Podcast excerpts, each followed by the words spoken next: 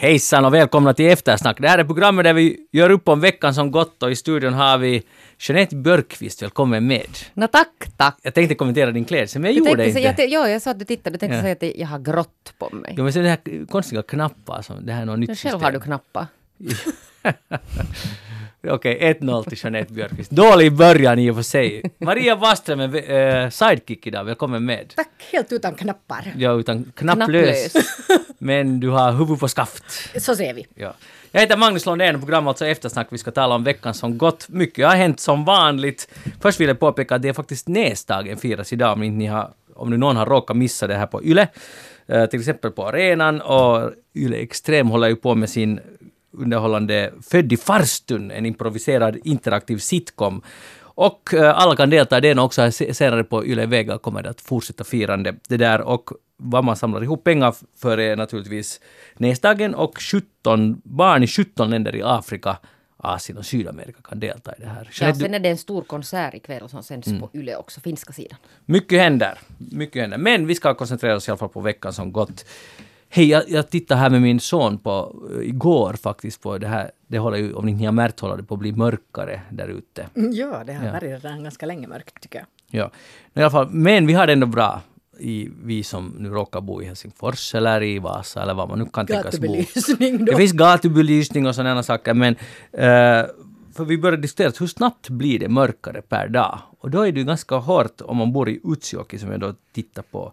Idag är det en fem och en halv timme lång dagen i Utsjoki men sen minskar det liksom per tio minuter per dag och sen accelererar den här farten hela tiden. Det blir en kvart, 20 minuter och det går snabbare och snabbare, en halvtimme kortare per dag tills plötsligt puff så är solen borta och det är bara den 26 november så är allt, är det gone. Fattar ni? Men Två och en tänk så halv fin vecka. stjärnhimmel de har. Det, jo, visst. Men alltså, tänk att från ena dagen kan det vara en halvtimme kortare. Alltså, dagen är en halvtimme kortare nästa dag.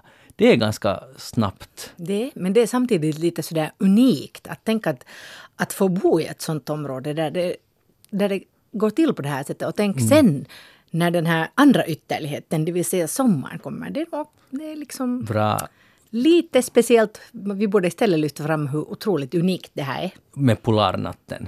Jag, och jag är glad att du sa det där, för då behövde jag inte säga det. Nej, Du- just Du det. sa det Mm. mycket bättre. Tack, Maria. för att jag, jag liksom har försökt bygga upp en skyddsmur mur här mot Jeanettes sarkasm som, som vi alla väntar på nu. Nå, Nej. välkommen. Med. Intressant. Är det intressant, ja? Är det inte? Dessutom kom det ju snö idag som lyser upp de här mörka komma vet du, nätterna. med det här att det skulle där något lysa upp någonting. Det stämmer Jo, jo, jo, på morgonen när det ännu var minusgrader så då var det faktiskt helt fint. För då var det lite ljusare men sen blev det ju sån här slaskelände så det är ju inte något kul. Det kommer att smälta. Det ska vara sex grader nästa vecka. Mm.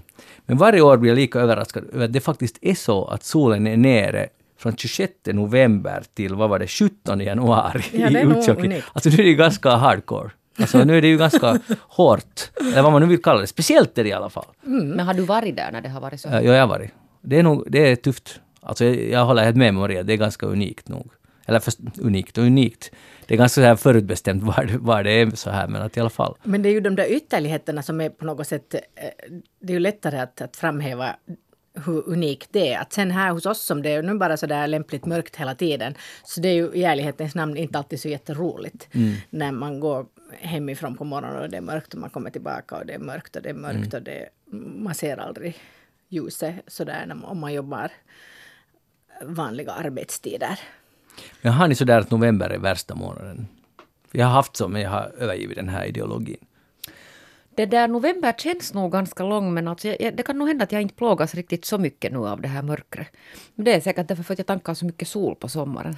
Ah, du har sån här tankar i lager. batteri så det är Ja. i lager. Det, det är fint. Jag har börjat tycka att oktober är så pass fin, eller den är ju ofta, åtminstone då när det är sådana fina höstdagar, så man kan liksom leva ännu lite på det sen in på novembers sida. Så att, att det har liksom inte hunnit bli sådär väldigt angstigt ännu åtminstone. Men uh, jag ser en sak som provocerar många. För jag, jag tyckte alltid att november var det värsta. Jag, alltid, all, november är värst för det, är- det är så mörkt och det finns ingen snö och, och det är nu höst men inte vinter och allt det där. Sen en gång så faktiskt nästan konkret var det så att jag bestämde att det, nu måste jag sluta med det här. Att inte kan man nog hata just en månad. Och efter det Så jag tycker att november är helt okej. Och jag menar, det var bara mitt huvud den här grejen. Det är ganska intressant. Och ni skrattar, men det här är sant. Men bra. Att, att här kan det funka. Man Så kan så ska man göra. Själv. Ja. Ja. Fint att du lyckades. Men gick det sådär bara på en gång? Ja, Bam. nästan. Alltså nu har jag inte något problem med november. Vad bra. Ja, är det inte fantastiskt? Grattis, vissa, Magnus. vissa saker kan man lösa bara sådär ploff i sitt huvud. Inte alla saker säkert, men sådana små saker. Hej, eh, det var den här veckan var den stora veckan när det, det så kallade skattetabellerna eh, publicerades. Och det där jag skulle har- Exklusive väl då 200. 290. Och det är just Ja. de här 200 jag skulle vilja diskutera. Ja. Nu, I år var det då första gången på grund av ett klagomål som eh, en privatperson lämnade in, eh, som hade läst EU-lagarna, som påpekade att egentligen så om man har skäl till det så borde man få kunna undvika den här pub- publiceringen. Och då blev det så att om man bara lämnar in ett en ansökan om det här, om sina särskilda skäl. Det var nog inte så hemskt särskilda skäl eftersom alla godkändes. Och då är det över 200 som inte vars uppgifter inte publicerades. Men det intressanta här, det är en sak, och det har diskuterats ganska mycket, men en intressant sak här är att, att gränsen när man får ha särskilda skäl är 100 000 euro. Och då tänkte jag att det är en ganska konstig gräns för att vad är det som säger att just för att man tjänar just över 100 000 eller fast en miljon spelar ingen roll, varför är det extra känsligt för dem? Att det kan vara också känsligt att om man tjänar 40 000 om man inte vill att ens granne ska veta det för att man är i fejd med den eller man vill att inte att ens man eller hustru ska veta eller ens, vet- vad vet jag? Att det är på något sätt fokuserat på att det är de som har mycket stålar som har någon orsak att dölja det här. Förstår ni vad jag menar? Ja, Köper ni det här argumentet? Det är väl egentligen så att det är ju de här som har mest pengar som syns i de här listorna. Så det är väl därför, eh, antar jag. Man har ju rätt alltså som medborgare att få reda på också, vad jag förstår, från Skatteverket. andra Det är bara att gå dit och hacka in. Jo, men Ja, får man, man- får väl inte veta de som nu har begärt att de inte är Ja, det offentliga? vet de- jag inte ja, alltså. För nej, då skulle ju väl tidningarna Alltså skriva du det. menar att de skulle ha varit dolda där i systemet? Det var ju en intressant fråga, det har jag inte ens tänkt på. För det måste nästan vara så, Nej, det eller det är bara så. listorna som får ges till medierna, men nu vet man ju vilka det är, i alla fall spekulerar kvällstidningarna om vilka det var. Så då skulle det bara vara att kolla upp då blir det ju alltså faktiskt märkligt för att det där, man får ju faktiskt reda på, jag har ju varit Magnus till exempel och tittat på vad du har för inkomster. Jag vet, det är min och- det är jättekonstigt, men det är min fritidshobby, att jag går omkring och, och lite, om inte jag har något annat att göra så går jag till Huh, just de där Skatteverket. personerna tycker jag alltid jättesynd om. Vilka?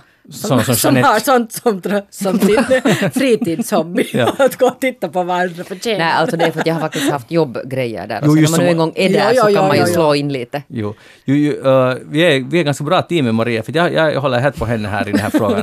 Att nu är det ju en konstig hobby du har. Men kommer du ihåg när jag konfronterade dig? Ja, så.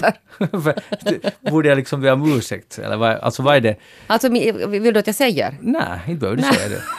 Om någon vill veta så får den men kolla alltså upp det själv. Att det är alltid för att du har aldrig pengar och så ska jag alltid lägga ut alla pengar. Och så var jag tittat, vad har den här Magnus nu egentligen för inkomster? Ja. Så jag tycker det är lite oskäligt. Att Ja. du borde nog ha lite. Senast vi var på lunch så tycker jag att jag, om inte bjöd dig så betalar jag i alla fall tillbaka min skuld. Ja, du betalar tillbaka din skuld. Ja. Det var generöst Nå, av dig, tack.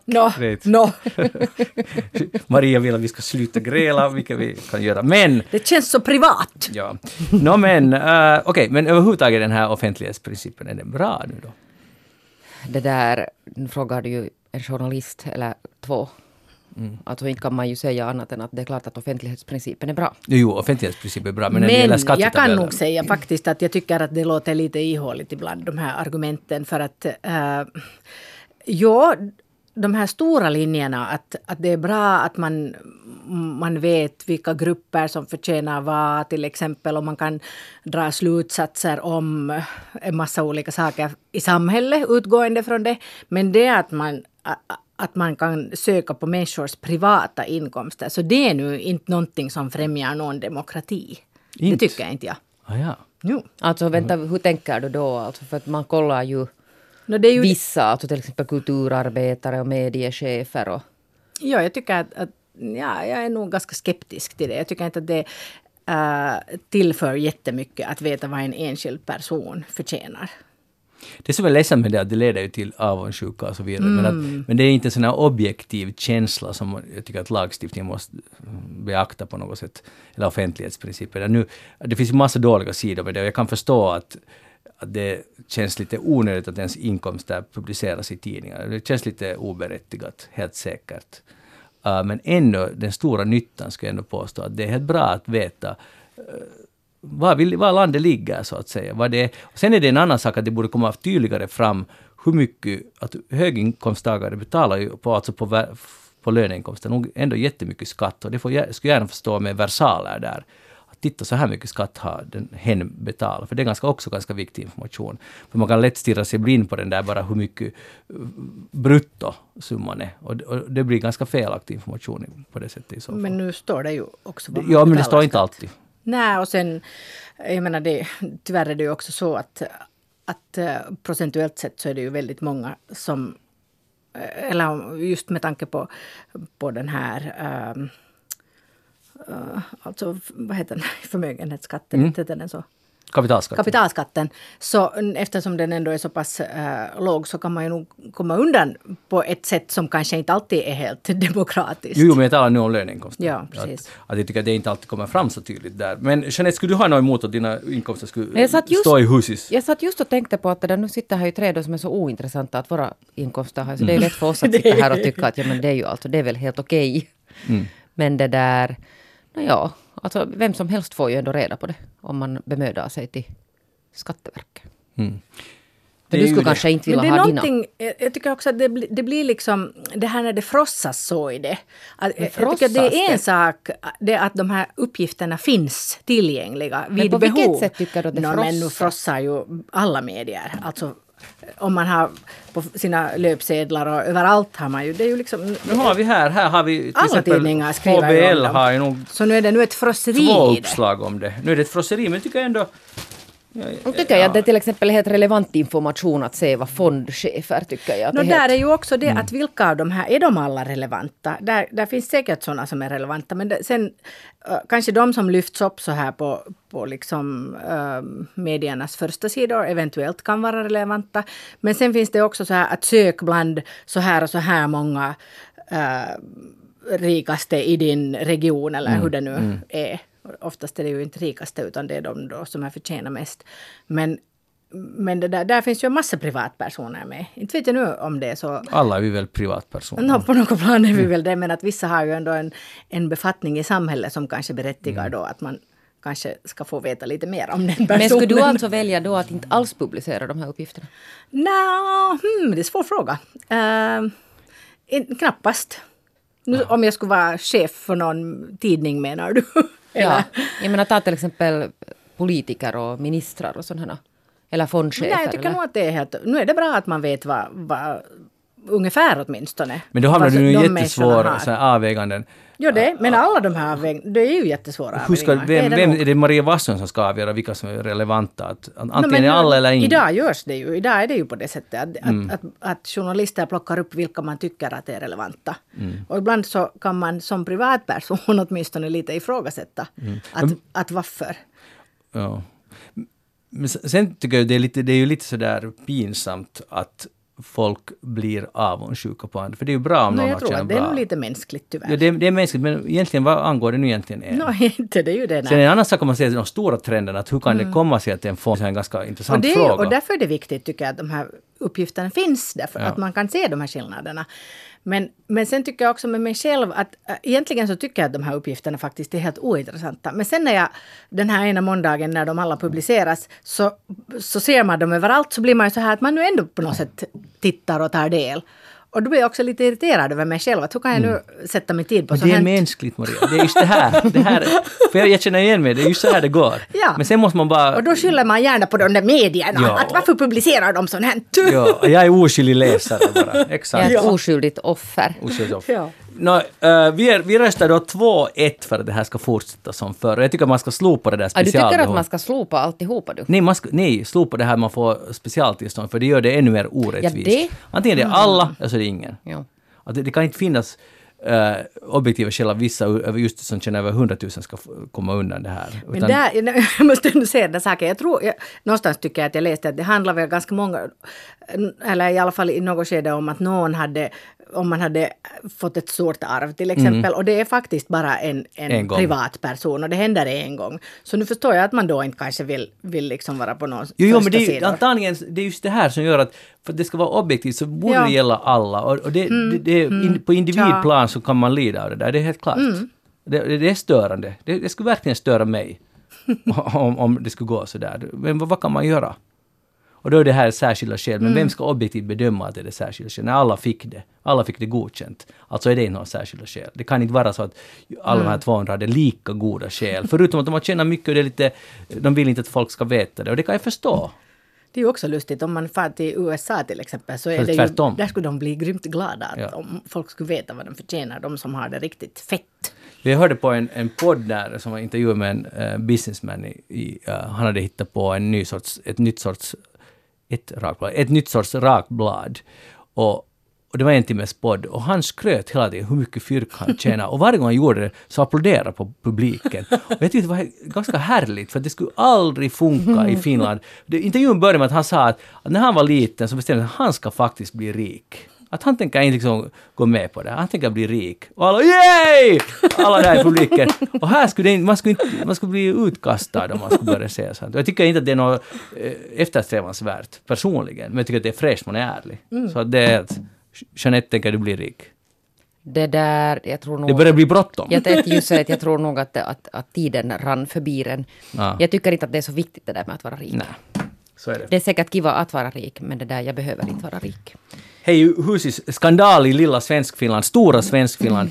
HBL, tidningen Hufvudstadsbladet, hade i måndags en insändare under rubriken uh, jaha, Bedöm klimatkonsekvenserna för konsten, undertecknad Karin Regner i Sibbo. Nu har det tyvärr visat sig att Karin inte alls existerar i verkligheten och därmed inte, eller kanske hon, hen bor egentligen i Sibbo, men Karin Regner finns inte. Och uh, huset blev dragna vid näsan och, och då, jag skulle bara, vilja diskutera det här för att på ett sätt är det här lite vitsigt. På ett sätt. Men uh, ni måste lyssna till slut här. Men jag vill bara läsa en cit- citat från den här insändaren. Uh, Okej. Man måste fråga sig om det är absolut nödvändigt att bygga klick... Uh, vad är det? klichéaktiga bronsstatyer för vita hetero, heterosexuella män. Och när jag läste den här meningen tänkte jag att då borde kanske någon man borde, kunde kanske ha förstått, nu har vi att göra med ironi, men det är lätt hänt, för, jag förstår nog att det är lätt hänt att det går, slinker igenom. Men tycker ni att man får leka med medierna på det här sättet, Jeanette? Leka med medierna. Ja, för det här är ju, det är säkert Ja. någon som har varit på någon... Jag har förstått det som så Mm. att den här alltså signaturen också, alltså det finns någon finsk version som också har gått alltså i finska tidningar. Vilka vet jag inte, men att, att det är någon sån här som lite har skojat med många fler. Det är inte bara Husis. Med samma innehåll alltså. Eh, Så har jag förstått det. Jag inte, Okej. så, så tycker jag i alla fall att, att Husis skulle ha förklarat, eller någonstans såg jag den här förklaringen. Mm. Men det där, det där är ju nog alltså inte någon länk, lätt sak att, att avgöra. För att, för att nu kommer det ju alltså, det kommer ju hemskt mycket mera insändare till tidningar än vad man någonsin ser. Men som svar på din fråga så det är ju lätt svar att nej, förstås får man inte leka med medierna på det sättet. får man inte leka med. Men lite satir. Här till exempel står det på en högtidlig fest kunde man istället för en bok hålla ett tal eller läsa en dikt från minne. Det är ju lite ro- roligt förslag det också. Nej men alltså, alltså det är ju det att, att satir är bra. Ja. Men det, det är bara lite ledsamt för det kan sen ta bort trovärdigheten från alla insändare och så blir tidningarna schizo att finns den här människan på riktigt, alla som skriver in. Att, att nu är det ju lite billigt sett nog. Ja, nu, nu inte, inte, eh, om man nu går riktigt ner till lagstiftning så inte får man nu väl uh, utge sig för att vara någon annan. Ja, men då kommer vi väl till den här att finns det den här människan på riktigt? Är det alltså någon som har stulit någon annans identitet? Det får man ju alltså. Nej, den här människan existerar inte. Nej. påstår Husis i alla fall. Nåja, men ni, ni vill inte nu riktigt ta ställning till det här. Till vad? Till att en sån här satir, är det, nu, är det god smak eller inte? Nej, jag tycker inte att det men jag skulle jättegärna vilja veta att, att om den här människan som har gjort den här kan höra av sig helt i förtroende till mig. Jag vill veta vem det är. Ja, och berätta... Och lite- varför? Ja, det, du är nu lite som Trump som vill veta identiteten på den här visselblåsaren i USA. Nej, det här är ingen visselblåsning. Utan det, Nej, där, det är jag det bara, det, är ju alltså, det, där- det är helt annat. Alltså. Jag skulle aldrig i livet alltså fråga efter någon källa. Men nu är det ju liksom några helt andra saker vi talar om. Ja, och du vill veta vem det är. Jag skulle vilja, jag skulle vilja veta bakgrunden. Att här, Ja. Motivet bakom att Ja. varför? att man har antagligen någon som är trött på klimattjafset och det där som den tycker och vill göra någonting och har varit på bische med sina vänner och så har de slagit vad om att få han hen igenom en sån här insändare i Husis. Varför sa du han? Du tror att Jag sa han? hen, jag, jag Ja, du rättade mig. korrigerade dig, ja. ja. Med Eh, din spontana. Spontana var, jag, är ju därför, ja, jag, jag gjorde lite sådana könsnormativa bedömningar här, att det är någon jappa på Bische som har bestämt att nu ska de driva med husis och det här med just det här med, för det, tyder på det där när det, det är den här meningen att uh, man måste fråga sig om det är absolut nödvändigt att bygga klichéaktiga bronsstatyer för vita heterosexuella män. Därför tror jag, jag, jag tror att det här, det här bevisar att det är en man som, som är trött på det här, på det här gnället, som de uppfattar det. Men vad det, det här är min, min objektiva Ja, syn. men sen har det ju funnits lite sån här skadeglädje att haha, att, att det där att att huset gick på det här. Och nu måste jag nu säga, liksom, som jag var igång här med att säga, att det där det kommer jättemycket alltså insändare. Och de innehåller allt möjligt. Det finns liksom åsikter av alla de slag. Så att det där, för det var ju någon som sa att hur kan de ens ha, ha publicerat, så att det var helt koko det här innehållet. Men det där, men, men det är nog inte så lätt det där, för att, för att människor tycker en massa konstiga saker och, och bara Nej. man nu inte är liksom aggressiv och det där hotfull så Ja. finns det en sån här utrymme för en diversitet. Jo, det är nu inte så jättekonstigt att, att sånt här slinker igenom. För det är, o, alltså det är omöjligt att bevaka alla insändare som kommer in och läser. Det, det bara inte funkar. Alltså Så- det finns ju en sån här att man ska ha, det, det ska ju finnas alltså namn, adress, ja. eh, telefonnummer tror jag. Och sen alltså kanske då borde man sitta, kanske det är det vad man måste göra då, att man faktiskt sitter och söker reda på liksom att finns den här, liksom, bor den här människan på den här adressen och finns det här telefonnumret överhuvudtaget? Och, Men tänk vilket ansvar man jämför med allt som kan publiceras på nätet. Helt fritt. Helt fritt. Och, Men det är säkert så vilket att namn de som här helst. ähm, insändarna i tidningen, de här tryckta insändarna, säkert har minskat i antal jättemycket sedan Mm. folk har börjat förverkliga sig på de sociala medierna. häva ur sig det ena och det andra på Facebook. Ja, eller, Men nu ska vi inte säga sådär för att det finns jättebra insändare. Nu låter Mm. det sådär som att, att det där... det Att finns, alla, och det är alla roligt om Ja. folk skriver. Jag tycker en välskriven insändare är Jo, ofta och det är jättemånga bra. gånger så finns det insändare som alltså på riktigt hämtar in nya perspektiv, som är alltså kunniga människor som på riktigt det där nyanserar. Nå, eh, för att nu få något, ut något, något positivt av allt det här så tycker jag vi alla ska ta Karin Regnér på orden och, och försöka nästa gång på en festtillställning eh, citera en, en dikt ur minnet. Usch vad jag är dålig på det. Men det det är just det som Karin vill att vi ska bli bättre på.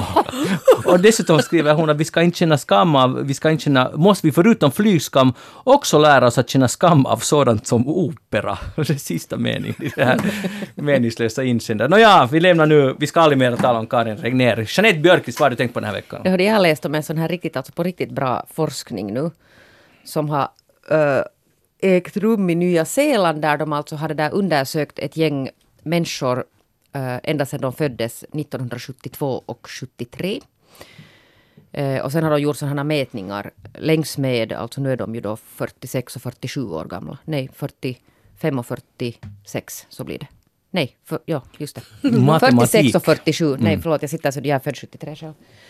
Eh, och kommit fram till att det där, de eh, människor som längs med alltså har gått snabbt.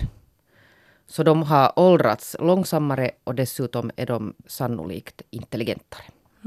Alltså att, att snabb promenadtakt tyder på hög IQ. Och det tycker jag som lå- låter som en jätterelevant forskning. Mm.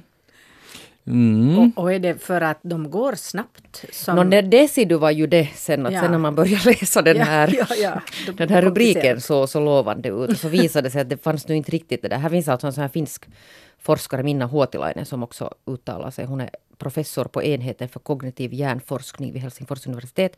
Som alltså säger att studien är bra jämförd, men det finns inte alltså det här som kallas korrelation. Alltså sådär att, att det liksom går nu inte sen egentligen sen att koppla riktigt sådär som rubriken hade kopplat. Ja, för det här väcker ju många frågor. Att, Ja. att är det så att Intelligenta människor går snabbare sen de är barn. Ja, till exempel, eller tvärtom, går man snabbare blir man intelligent. Ja, Ja. Det skulle vara Men den nice. saknades alltså Ja. tyvärr då. För jag har märkt att jag har ökat min takt här på senaste åren, så det, det skulle kunna tyda på det. Att du håller på att bli Jag intelligentare. blir allt intelligentare. Men om vi kan göra en sån här slutsats av det här som inte de liksom, de Ja. kom inte riktigt till skott här. Nej, nej. Kan Men ni- vi, vi kan hjälpa Ja. dem på traven. Vetenskapsradion. Sabla, jag börjar gå långsammare när jag märker att min hund blir bara äldre och äldre och långsammare och trögare. Så, så då blir mina promenader också långsammare. Och du blir trögare. Och det är ju hemskt. Ja. Ja, jag måste nu har du inte åtgärda märkt att Maria har lite nu liksom trögheten? Sacka efter. Sacka efter, Oj, ja. Men det där, men, men är, ni alltså, du, är inte så, är du snabb på att gå Magnus? Jag går nog, jag, ja, jag är ju ganska intelligent så jag går ganska snabbt. Nej, nu går jag relativt snabbt, men nu, nu när jag haft skadad fot så har jag märkt att vits jag går långsamt och så cyklar jag också ganska långsamt. Så att jag, uh, jag blir nog, nu de senaste månaderna har jag blivit liksom omkörd, både på cykel och per fot. För det där, är ju, det där är ju sådana saker som sen det kan, det kan börja alltså det där skava i vardagen, alltså om man har olika gångtakt till exempel med vänner. Ah, just Eller det där Eller med hunden. partners. Eller med hunden. ja. Eller liksom med barn. Barn kan man ju förstå kanske att de inte kan det där. Men då måste man ju lära dem att gå snabbt. Går du, du går snabbt va? Jag går alltså jättesnabbt. Jo, alltså. jo. Och du har gjort det från början då? Ja. Ja. Och En, jag kan säga att det har nog ingenting med IQ att göra. Det kan, det kan, där kan man säga där finns ingen korrelation. Alltså.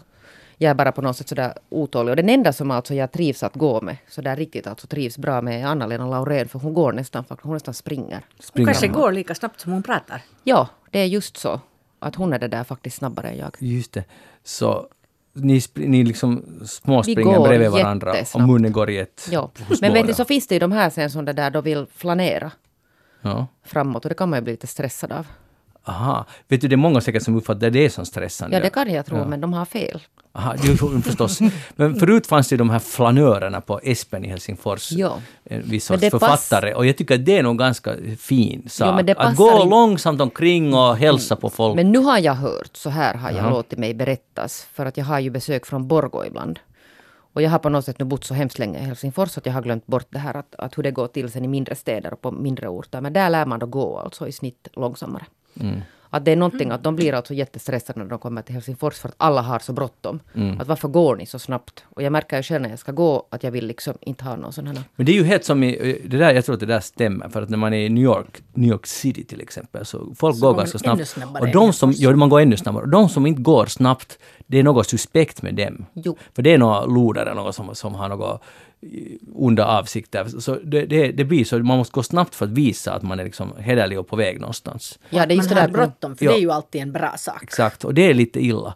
Uh, och sen såg jag en gång ett foto av, det var just från New York när det var någon mindfulness. Folk kom liksom rusade med, alltså små, så det var du och Anna-Lena Laurén som kom med. Och sen är det, var det sån här mindfulness som en liten öppen open air sån här biografsalong så kunde man sätta sig ner och dra mindfulness i tio minuter, sen rusa vidare. Och där såg man, för det var på film också, så såg man hur bisarrt det var. Folk rusar, rusar, sen stannar de en liten stund. Oj, nu är de så lugna och harmoniska. Och sen iväg igen. Det här är, Jeanette, ditt liv. Ja, det var sån här eff- effektiv Ja. mindfulness. Exakt. Nej, men jag stannar inte så du på något sånt. här. Nej, men du inte har du tid. Nej, jag hossar förbi. Ja. Hur är Ingo, promenadhastigheten? Mm, alltså då när det är promenad så då är det nog fart på, ja. Ja, men Är det då liksom motion eller är det... Jo, eller om man ska gå, avstånden är så långa så man, om, om man går långsamt kommer man ju aldrig fram. Men det är ju Nej, alltså det där för i städer är ju alltså gång är ju en, det är ju en tra, Ja, det är ett lite annat nog transportmedel. system för att man promenerar ju liksom inte från service till service jättemycket på landet. Va, va, va, va, vart går man då? Men då kör man med bilen skulle du, fram. kan du öppna nu åt, åt Magnus lite att om du skulle promenera till matbutiken så hur lång väg har du? kilometer. Ja, nu går det ju. Nu går det ju En dryg timme. Ja, och ryggsäcken på ryggen och så Ja. promenerar man hem tillbaka. Ja, inte det är något att Kanske skratta en åt. sån där rinka. Så En att man får cykel, allt. med mediet cykel. Eller en sån här som Ja. sån här Dramaten, alltså Dramaten, du vet sån här Ja, kärra. ja, precis. Ja. Ja. Okej, no, men eh, vi har kommit fram till att det går, Jeanette går snabbast, jag går näst snabbast och Maria kryper fram. Nej, så är det nog inte. Aha. Nej. Men det var ju det du sa. Ja, Men hon har ju. Maria har ju alltså var Om jag långa... går utan hunden går jag snabbt. Och hon har ju faktiskt längre ben än vi så att, att hon går nog antagligen det där sen. Det är ju lite också Alltså, det där att vad man har för längd på liksom benen. ett bredare spektrum helt Ja, att tydligt. hur långa steg Ja, man ja, kan ta. bredare. Bra, men då kommer vi automatiskt in på... Jag ska lite förhöra eh, Maria Wasström på några frågor här. Jag har husis per onsdag 6 november. Uh, Ingo, är det lättillgänglig service för alla målgrupper där? Ja, det- Ja eller nej? Och inte Ja, något förklarande. ja. Du måste sen vara ärlig. Jag är ärlig. Alltid. Finns det daghem och skolor i barnens storlek där? I barnens storlek. Ja, nå, så står det. Bara sitter. ja, visst Mm, finns just det det. Eh, Har ni hållbar utveckling som rättesnöre? Absolut. Okej. Är det levande tvåspråkighet på riktigt? Det är absolut så. På riktigt? På riktigt. Också för Enda finskspråkiga. stället känns det som. Nå, har ni fungerande vård i alla livsskeenden? Ah, ganska faktiskt, ja. Ja eller nej? Ja. Har ni ett aktivt föreningsliv och Ja. enande evenemang? Ja. Att de är enande? Ja. Stämmer det att det är bara 30 minuter från Esbo? om man är, är Ja, Ingo. det stämmer nog. Nu har ni behörig personal. Uh, var då då? Behörig personal, svara på. Nu tror Okej, vi fick henne fast för en sak. Nej, nu tror jag det. Thank God. Nåja, för nu, nämligen Ingo är har ju en kampanj som lite missvisande på svenska heter den Glad i Ingo, men sen är det Iloinen? Ingo. Nej, det är inte missvisande i sig, men det är olika översättningar. Ja, ja, ja, men det... Och det där, nåja, vardag i, Ing, vardag Ingo, vill du ingå? det, var, det var smart var det inte. Jag har sett annars. Men det som är nu, det de erbjuder, nu kan du få en centralt belägen tomt med teknik och fiberberedskap vid asfalterad väg för 22 Mm. ton i fem. Just det. Är det, är det du som säljer, eller vem? Hör du, jag har, eh, nej jag har inga men jag har asfalterad väg, men det är fortfarande samma asfalterade väg som kom dit då när president Koivisto bodde där, så den börjar vara lite dåligt skick. Aha. Jag vet inte, de avser säkert några andra tomter. För de har tomtkampanj, men tycker du att... De är inne där i centrum. Ja, de har fin asfalterad väg där. är, är det, skulle det vara värt för Jeanette och mig och jag att flytta dit? Hör du, hör du, Sa det jag tror ja? jag För säkert. mig, ja, förlåt, jag va? funderar just på det också. Men, men eh, alltså ni skulle säkert stortrivas där, det tror jag. Tror du? Det där, Ja. Nu är det ju så att jag tillbringar ju ganska mycket tid tidvis i Ingo. Eh, och, och den där, sa du någonting om den där servicen där? Ja, här står faktiskt uh, servicen Har- är lättillgänglig service för alla målgrupper. Den är säkert lättillgänglig, men den är inte så bred. Men de har ett väldigt fint bibliotek i Ingo, men det där men sen finns det Mm. ju en liten sån här prylbutik där i centrum och så finns det Men man en behöver matbutik. inte så himla mycket att köpa hela tiden, allt världens. Det är ju det viktigaste att man nu får lite näring i sig. Ja. Just det. Menar du att så man måste lagar kunna man shoppa själv. mera? Nej, men det så finns där om man nu alltså det som man behöver, behöver. Det, det är absolut så. Och det som jag nog faktiskt ärligt kan säga att eh, till exempel hälsovården, eh, hälsovårdscentralen, den funkar otroligt bra vad jag nu har märkt. Och, och så mycket som man hör alltså hur dåligt det fungerar på, på andra ställen. Så det är nog tyvärr så att de här små enheterna, så det går liksom inte. Om de fungerar så är de så mycket bättre än Ja.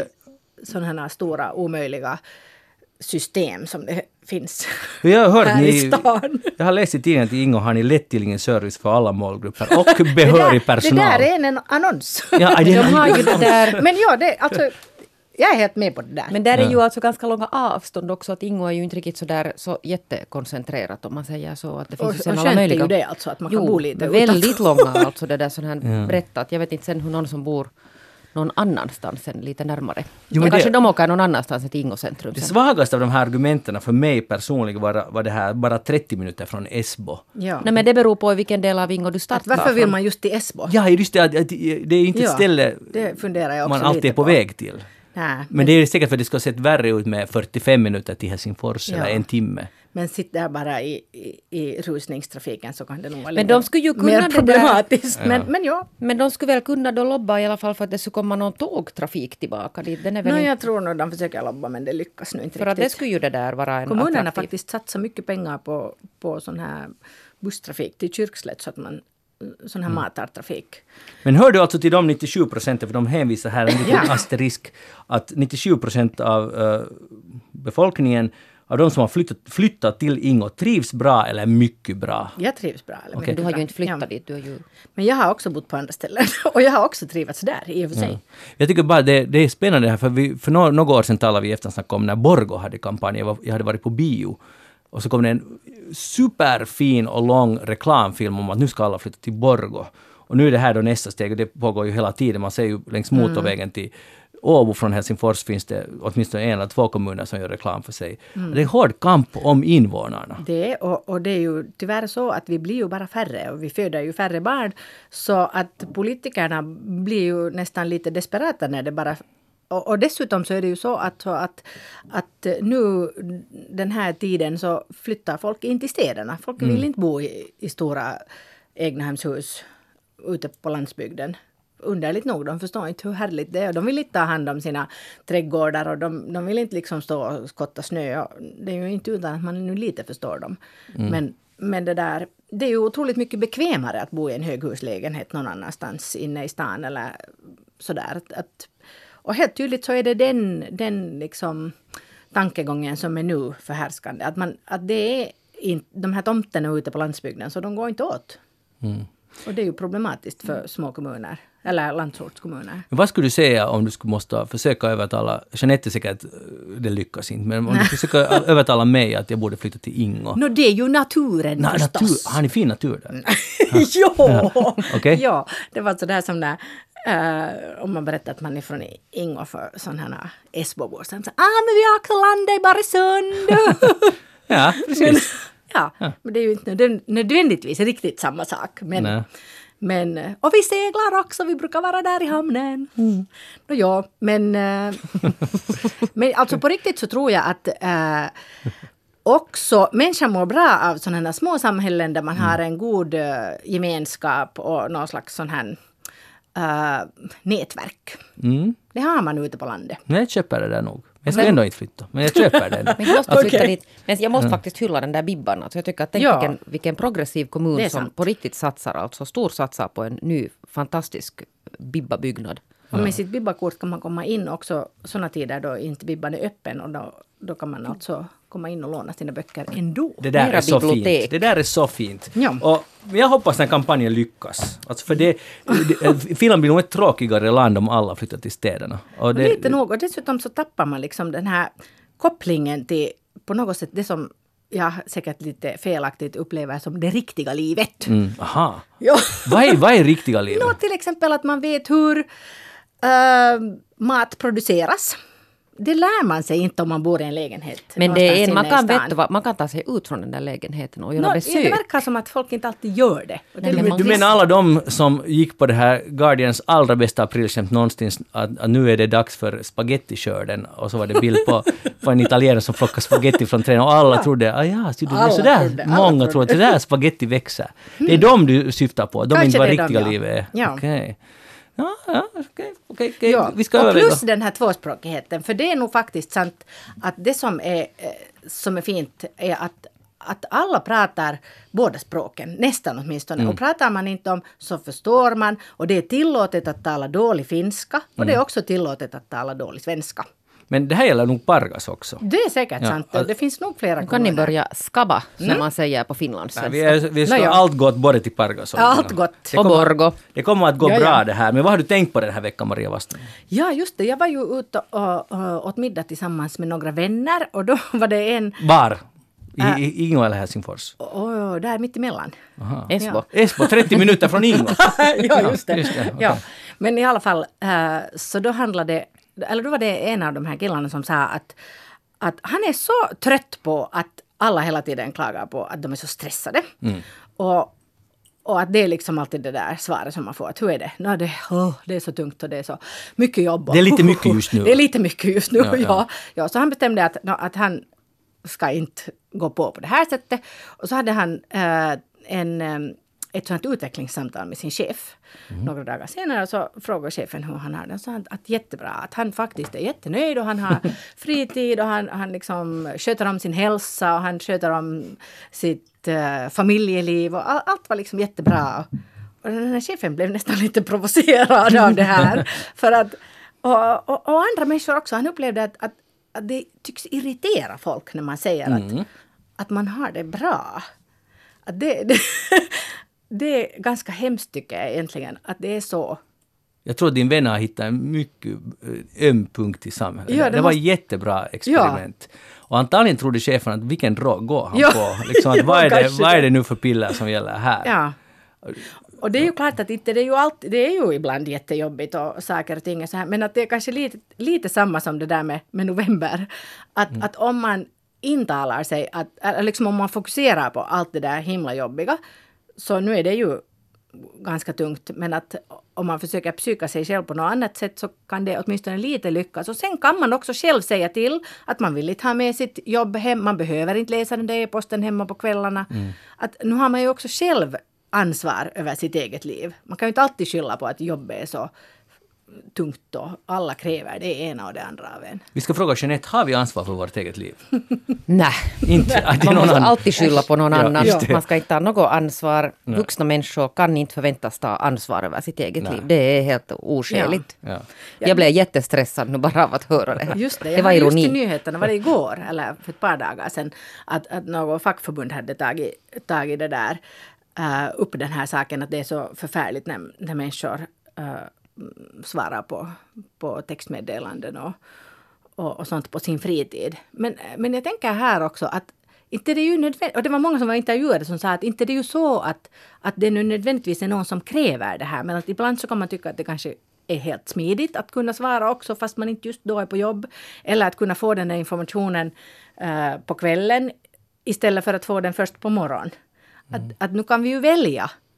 Att jag kan själv tycka att, att inte det är nu så farligt det där att man har någon slags jobb med sig i bakfickan.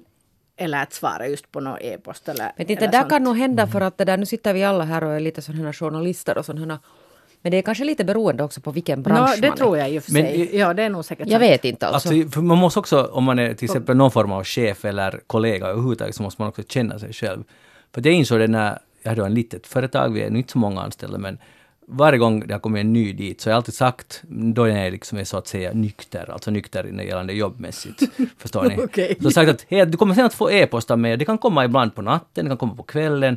Du får inte svara. Eller du får om du vill, men du måste absolut inte svara. Det har ingen betydelse. Det är bara för att jag då vill få det gjort. Och det har funkat helt bra. Ja. För de svarar inte till mig klockan nio. Det, Nej, precis. Jo, det är ju- God för det. Men det är ju förstås viktigt att man har en chef som, som gör på det sättet. Att det kan Mm. ju hända att det finns sådana chefer som nu lite sådär För- tycker att man ska svara. Ja, ja. Och då är det ju kanske inte så bra. Men, men Ja, men äh, det, det är intressant den där grejen att det hör inte till dagens vokabulär att på riktigt, hur går det? Det går faktiskt Ja. bra. Ja. Eller som om ni såg, har ni sett Solsidan den här nya säsongen?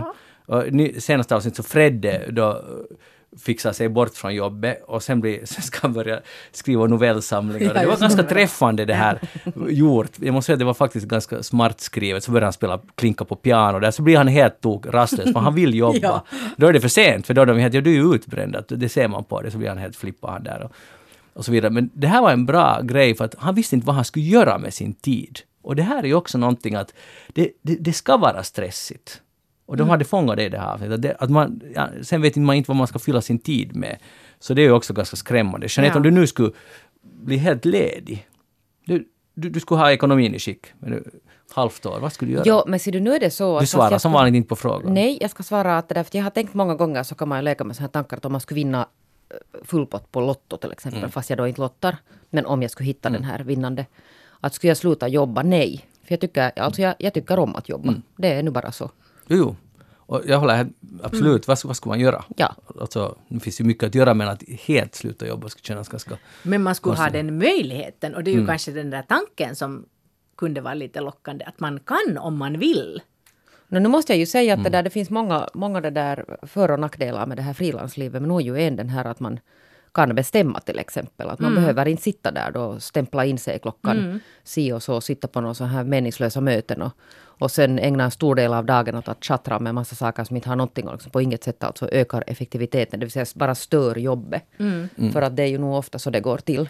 Jo, och det har man där, att rätta upp sig på heller. Att det är dens fel att man måste sitta här. som jag tycker är alltså helt otroligt. Alltså när man, när man på något sätt har stigit ut ur det där. Så att herregud vad människor sätter mycket av sin arbetstid till att göra bara stå och tjattra och klaga. ja. och det där är nog helt bra poäng, Jeanette, att för att det det är det bästa rådet. Alla de här, också säkert vi, men som man klagar på att man har så mycket att göra, det är så stressigt. Det bästa rådet skulle vara att bli frilansare.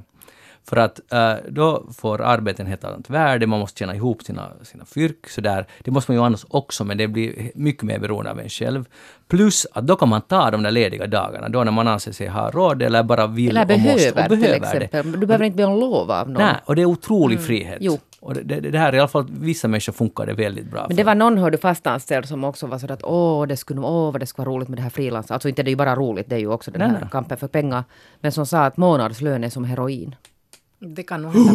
Alltså det vet ni, man, är, man sen kan vara jätteberoende. Och sen är det ju nog många, jag, jag har Men då ska man inte klaga. Mm. på väldigt många till exempel företagare som jag ibland kan i smyg bli lite sur på när, när det klagas just över det här att ja men jag som företagare jag kan ju aldrig ha semester. Och det är ju liksom säkert delvis sant för man är kanske alltid ändå knuten till det där. Men samtidigt så, så där är nog också det att nu har man ju möjlighet, och, åtminstone om man nu har ett företag som, som går runt på något sätt, så nu har man ju då möjlighet att bestämma själv att kan jag ha den där semestern och, om det är inte är så att man liksom går i konkurs i så fall. Men, men nu har man lite Ibland så, så känns det som att, att man alla säger att de är liksom slavar under sitt eget företag. Inte det är ju så. Man har ju själv möjlighet att bestämma. Ja, men det är inte heller helt så som du säger, för att om man är en egenföretagare eller, eller småföretagare, vad man, vad man nu vill kalla det, så nu är man ju ganska all in med sitt, för man lever ju med det. Det är ju, det är ju nästan som, det är inte som att ha egna barn, men det är ditåt. Alltså, Så är det. Och det, och det, alltså, den här passionen den här. är fantastiskt Ja, fin absolut. resurs. Men det, det håller jag helt med dig Det som man däremot har, och det som man borde ut- utnyttja mer, att man har möjlighet kanske inte att ha en månad i sträck eller två Nej, månader och inte göra nej, det- någonting. det Det, bara funkar inte. Men istället kan man ha de här dagarna, man kan, man kan styra distansjobba och göra lite och ändå ha semester. Jag tycker att för en företag brukar det funka helt bra. Det är Mm. också semester. Och Man har mycket mer frihet, men, men inte det är helt bluff när företagare säger att de aldrig kan ha riktigt långa Mm. enhetliga semester. För det, det. Enhetliga kan det tror jag inte heller. Men att, men att man kan man har lite mer makt än vad man ibland säger. Ja, ja, då är igen samma, för det ska låta. Det är Mm, exakt det som du började den här jobben Ja. med, att, att det, det ska låta. Det är dagens jargong ska vara sån här. Ja. Och, och om någon säger att, att jag har faktiskt ingenting att göra, så då blir, då blir ju folk provocerade. Vad är det fel på den här killen? Ja, det. Är ett problem. Hej, du kör dieselbil, Maria Waström. Uh, ja, det gör jag nog. Det gör jag också. Och jag med. Va? Du också? Vi har goda nyheter för att jag var där på, där, på, på gymmet och lyssnade på en podd och så var det någon politiker som sa att ja, varför köper ingen den här, den här nya dieseln som finns? Och så var jag, vadå, vadå nya diesel? Jag hade helt missat det här. Nåja, så, så visade det sig, det är då alltså det finska bolaget har tillverkat en ny diesel som har funnits i några månader till salu och enligt det här Det finska Du menar bolaget. själva bränslet? Bränslet, Mm. ja. Ja. Så här, det är en Bränsle är ett helt förnybart och hållbart drivmedel som ger upp till 90 procent lägre utsläpp av växthusgaser jämfört med vanlig fossil diesel. Till skillnad från många andra hållbara dieselmedel så behövs ingen modifiering av fordon eller motor. Den passar alla dieselmotorer, det är alltså bara att tanka och köra. Och jag var helt what? 90 procent lägre utsläpp? För jag har alltid morkis när jag kör med min diesel och jag säger inte att jag har någon ångest för jag hatar det, det är så löjligt. Utan jag bara tycker att det här är lite dåligt. Så nu läste jag om det här och så började jag göra research. Okej, det kostar 19 cent mera per liter. Och det är på riktigt så. Jag läste många artiklar. Jag har försökt hitta någon kritik mot det här men jag har inte hittat. För det här är alltså bättre än... Var för- tankar man det här? Mm. På Nestes stationer, på 50 stycken stationer i Finland, Säkert inte på min. så körde jag dit och, och tanka och den bilen startade faktiskt efter det. Och det, nu blir det, när jag kör till Pargas, det är nästan det enda jag kör, alltså från Helsingfors, så kostar det 3 euro mera en väg än tidigare. Extremt billigt sätt att göra någonting. Och, och enligt en artikel är det här, det här betyder att dieselbilen potentiellt, till och med gamla dieselbilar, är renare än elbilar. Nu, nu är det inte jag som påstår det här, utan det här Nej, nej. läste jag. Och det här gör ju ganska otroliga möjligheter. Ja, för dieselbilen har ju alltså det där avfärdats totalt. Ja. Så den, har ju, den är ju No, liksom no, färdig no, för no. skrothögen. Jo, det är det värsta som finns. Jo, men så, så har det sagts. Ja, då tidigare. Men till exempel min dieselbil som också har någon slags sån här renings... Alltså när man tillsätter sån här AdBlue, vet ni som att den har två, två hål när man tankar. Och så, Okej, whatever, ja. och så tillsätter man alltid då och då ett sånt här eh, medel som renar eh, utsläppen. Det heter AdBlue, det är nu ett produktmärke. Nu Okej. Vi känner att det. här är en sakkunnig nu. Ja, ja, så den är också väldigt ren har jag förstått åtminstone. Okej. Och dessutom, alltså jag har inte något dåligt samvete för min dieselbil. Den drar hälften mindre än min, min gamla eh, bensinbil. Nya dieselbilar drar ju förskräckligt lite. Mm. Och sen om du dessutom skulle ta det här bränslet som Ja. är gjort helt på dessutom det. vegetabiliska oljor och, och det. gammalt, eh, Ja, det är bra. alltså Det överblivet slaggprodukter och eh, animaliskt fett som har blivit över, som inte kan användas till mat och ingenting. Just och nästan det. bara finländskt. Alltså Nå, det är ju helt... låter kan det här vara sant? Ja, frågan är. Men sen funderar jag också när jag kör ibland eh, en sån här hybridbil som, som är alltså inte laddningsbar utan eh, bensin och el då, eller den laddar sig själv. Och den drar alltså mera, eller inte mera, det är ungefär samma som min dieselbil. Och jag undrar att, hur kan det vara på det sättet? Och det är en mindre bil. Så den, den är nu sällsynt dålig tycker jag. jag. Jag har tappat helt förtroende för sådana här Den hybridbilar. är dålig men dyr. Och den dessutom dyr. Och Men om Jeanette, den inte sparar något, så vad är idén då? Skulle du betala 19 cent mera per liter? Nej, men självklart. Men kan Vem du börja med det här? Jo, jag menar det var därför vi frågade var, var får man På, ens på det? nästa, det heter hade med gått med i My det här Diesel. också. Heter det. Aha. Det, ja, okej. Och, och så heter det. Och det är alltså då gjort på, på animaliskt fett och sådana här oljor och sånt här. Uh, jag tycker bara att varför, varför kan man inte till exempel förbjuda vanlig diesel? Okej, det skulle säkert inte räcka till det här, men, men höja priset på det och... Men ska du inte genast börja förbjuda utan det där ge människor en möjlighet Okej, att du har själva... rätt. Du har rätt. Men jag menar bara, det är det här som vi talar tidigare om. Varför är förändring så svårt? Men vad då svårt, det vet du väl inte?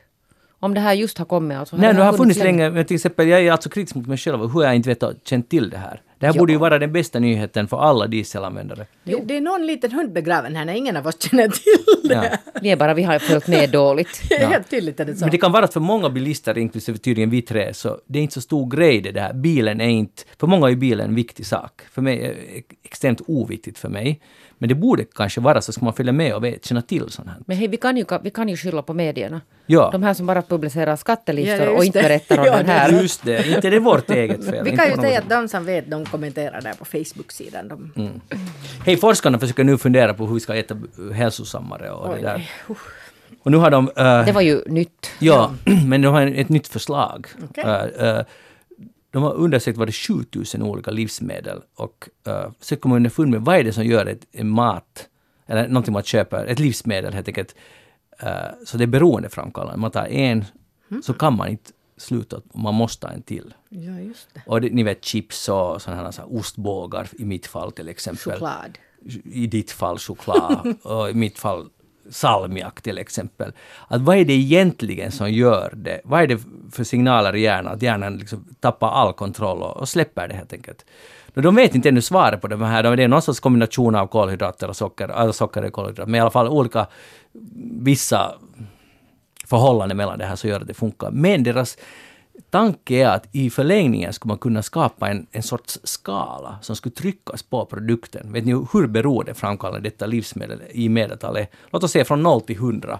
Att om det skulle till exempel på ostbågar skulle det stå att det här är på skalan 0 till 100, så är det 100. Att du kommer att äta hela den här påsen. Men det vet man ju i förväg redan. Ja, Fast det Men är, det där, men är det alltså är det där helt alltså kopplat till livsmedlet eller är det också någonting i, i alltså människan, den, den liksom Ja, individen? Det måste ju vara. Det att du har till exempel någon sån här tendens för just ostbåg, ostbågar. ostbågs hög riskfaktor för Ja. mig. Ja. Och vad har Men- du för någon? Det där en sån här lakrits från Borgo.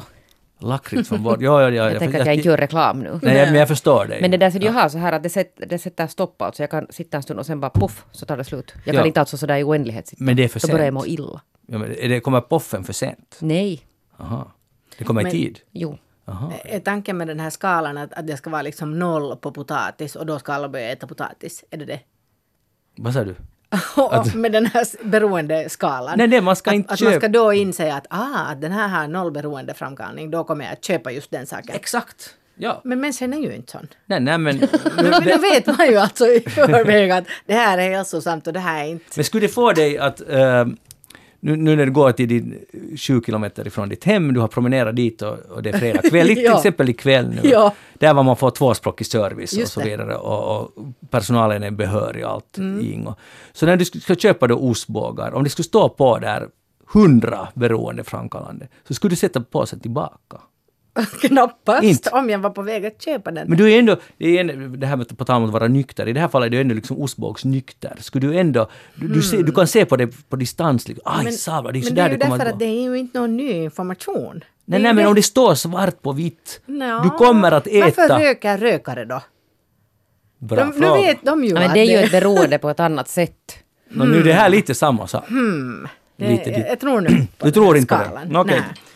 No, jag måste meddela forskarna Ja. att, att, att det blev tummen ner från Maria Wallström Ja, i det tvåspråkiga Ingå. Det är nu igen det där att på något sätt försöka från ovan styra folks beteende på det där sättet. Ja, det brukar ju aldrig falla i god jord. Eller det liksom inte i alla fall alltid leda till de resultat som de hoppas på. Hörni, i USA så i går, nej förra helgen fick 168 000 användare fick sms som var skickade för ett halvt år sedan, nej förlåt åtta månader sedan. Och, och jag tyckte det här var lite vitsigt först. Och sen stod det, det blev ett himla hallå på sociala medier. Folk var jätteupprörda hur, att hur kan sånt här ske? Och jag tänkte att, det, att, att nu är det nu en konstig sak att klaga på. Men jag hade faktiskt inte tänkt på en sak. Och det var det att man fick också textmeddelanden från folk som redan var döda. Så om man till exempel har en vän som har gått bort sedan textmeddelandet, så är det lite kusligt att få det där textmeddelandet. Och då plötsligt förstår jag det här klagomålen. Förstår ni vad jag menar? Jo, jag förstår precis vad du menar. Det var lite obehagligt. Men, Men vad- hade det på riktigt skickats alltså någon gång men aldrig gått fram? Ja, alltså 168 000 användare har fått... Vad hade alltså, hänt där på vägen? Det var någon teknisk liten missbugg någonstans. en liten. Så den kom aldrig, de kom aldrig fram, de här ursprungliga smsen. Jag tänkte, säga, I relation till det där så är ju finska posti riktigt snabb. Jo, de lovar ju nu, och det gäller ju nu strejken, men uh, har ni noterat, jag tittade nämligen, att hur snabbt kommer ett brev fram? De lovar nu fyra vardagar, då kommer det fram. Och minns jag, inte var det länge sedan de lovade en vardag i hela Finland. Nu är det fyra. Ja, saker och ting ska gå framåt. Ja, och det, det finns ett ställe där det inte har gått framåt. Men hej, det finns ett ställe där det faktiskt har gått framåt. Och det var eh, i en liten kommun i, i, förlåt, i en staden Östersund i Sverige. Så hade de, uh, kommunen bestämt att det blir sen inga pepparkakor på dagisen på Lucia-dagen. Att vi har inte råd. Och då blev det ett himla hallå och nu har kommunen tagit tillbaka det. Okej, vi har råd. Blev det talko? Det blir peppar... Nej, jag vet Men inte. jag att av, av alla saker man sparar på, Ja. är det där som nu som Ja. fäller Ja. hela Ja, Östersund? Ja. är otroligt Östersund har i alla fall gjort en pudel och nu får barnen pepparkakor. Jag känner att det här inte är så stora dagisar, det är inte en så stor stad att det nu skulle på något sätt... Nej, men det här är mycket dålig ledning Jo. alltså av kommunen. Alltså det här är så svagt att göra sådana här... Kommundirektören skulle ha dragit ner sin lön med Ja, vad, vad kan det ha kostat pepparkakor? Nå, inte hemskt mycket. Hu- 100 euro så Ja. fick alla en två pepparkakor. ja, tusen kronor. Jeanette Björkqvist, tack för att du var här idag. Det var härligt att ha dig med. Vi är tillbaka igen nästa fredag. Maria Wastström, tack för att du var här. Och hur far du nu? Far du nu med din dieselbil till det tvåspråkiga Ingo, eller hur far Nej, jag har kommit med buss idag. Aha, så ni har goda kommunikationer dessutom? Nej, jag måste först ha skjuts till Virkby och sen åkte jag buss. Okej, men det står inte någonting om det i annonsen. Nej. Jag heter Magnus Lundén, program alltså Eftersnack. Vi är tillbaka igen om en vecka. Som sagt, gå in på facebook.com eftersnack om ni har någonting att diskutera. Så hörs vi igen. Ha, hej då och ha det bra.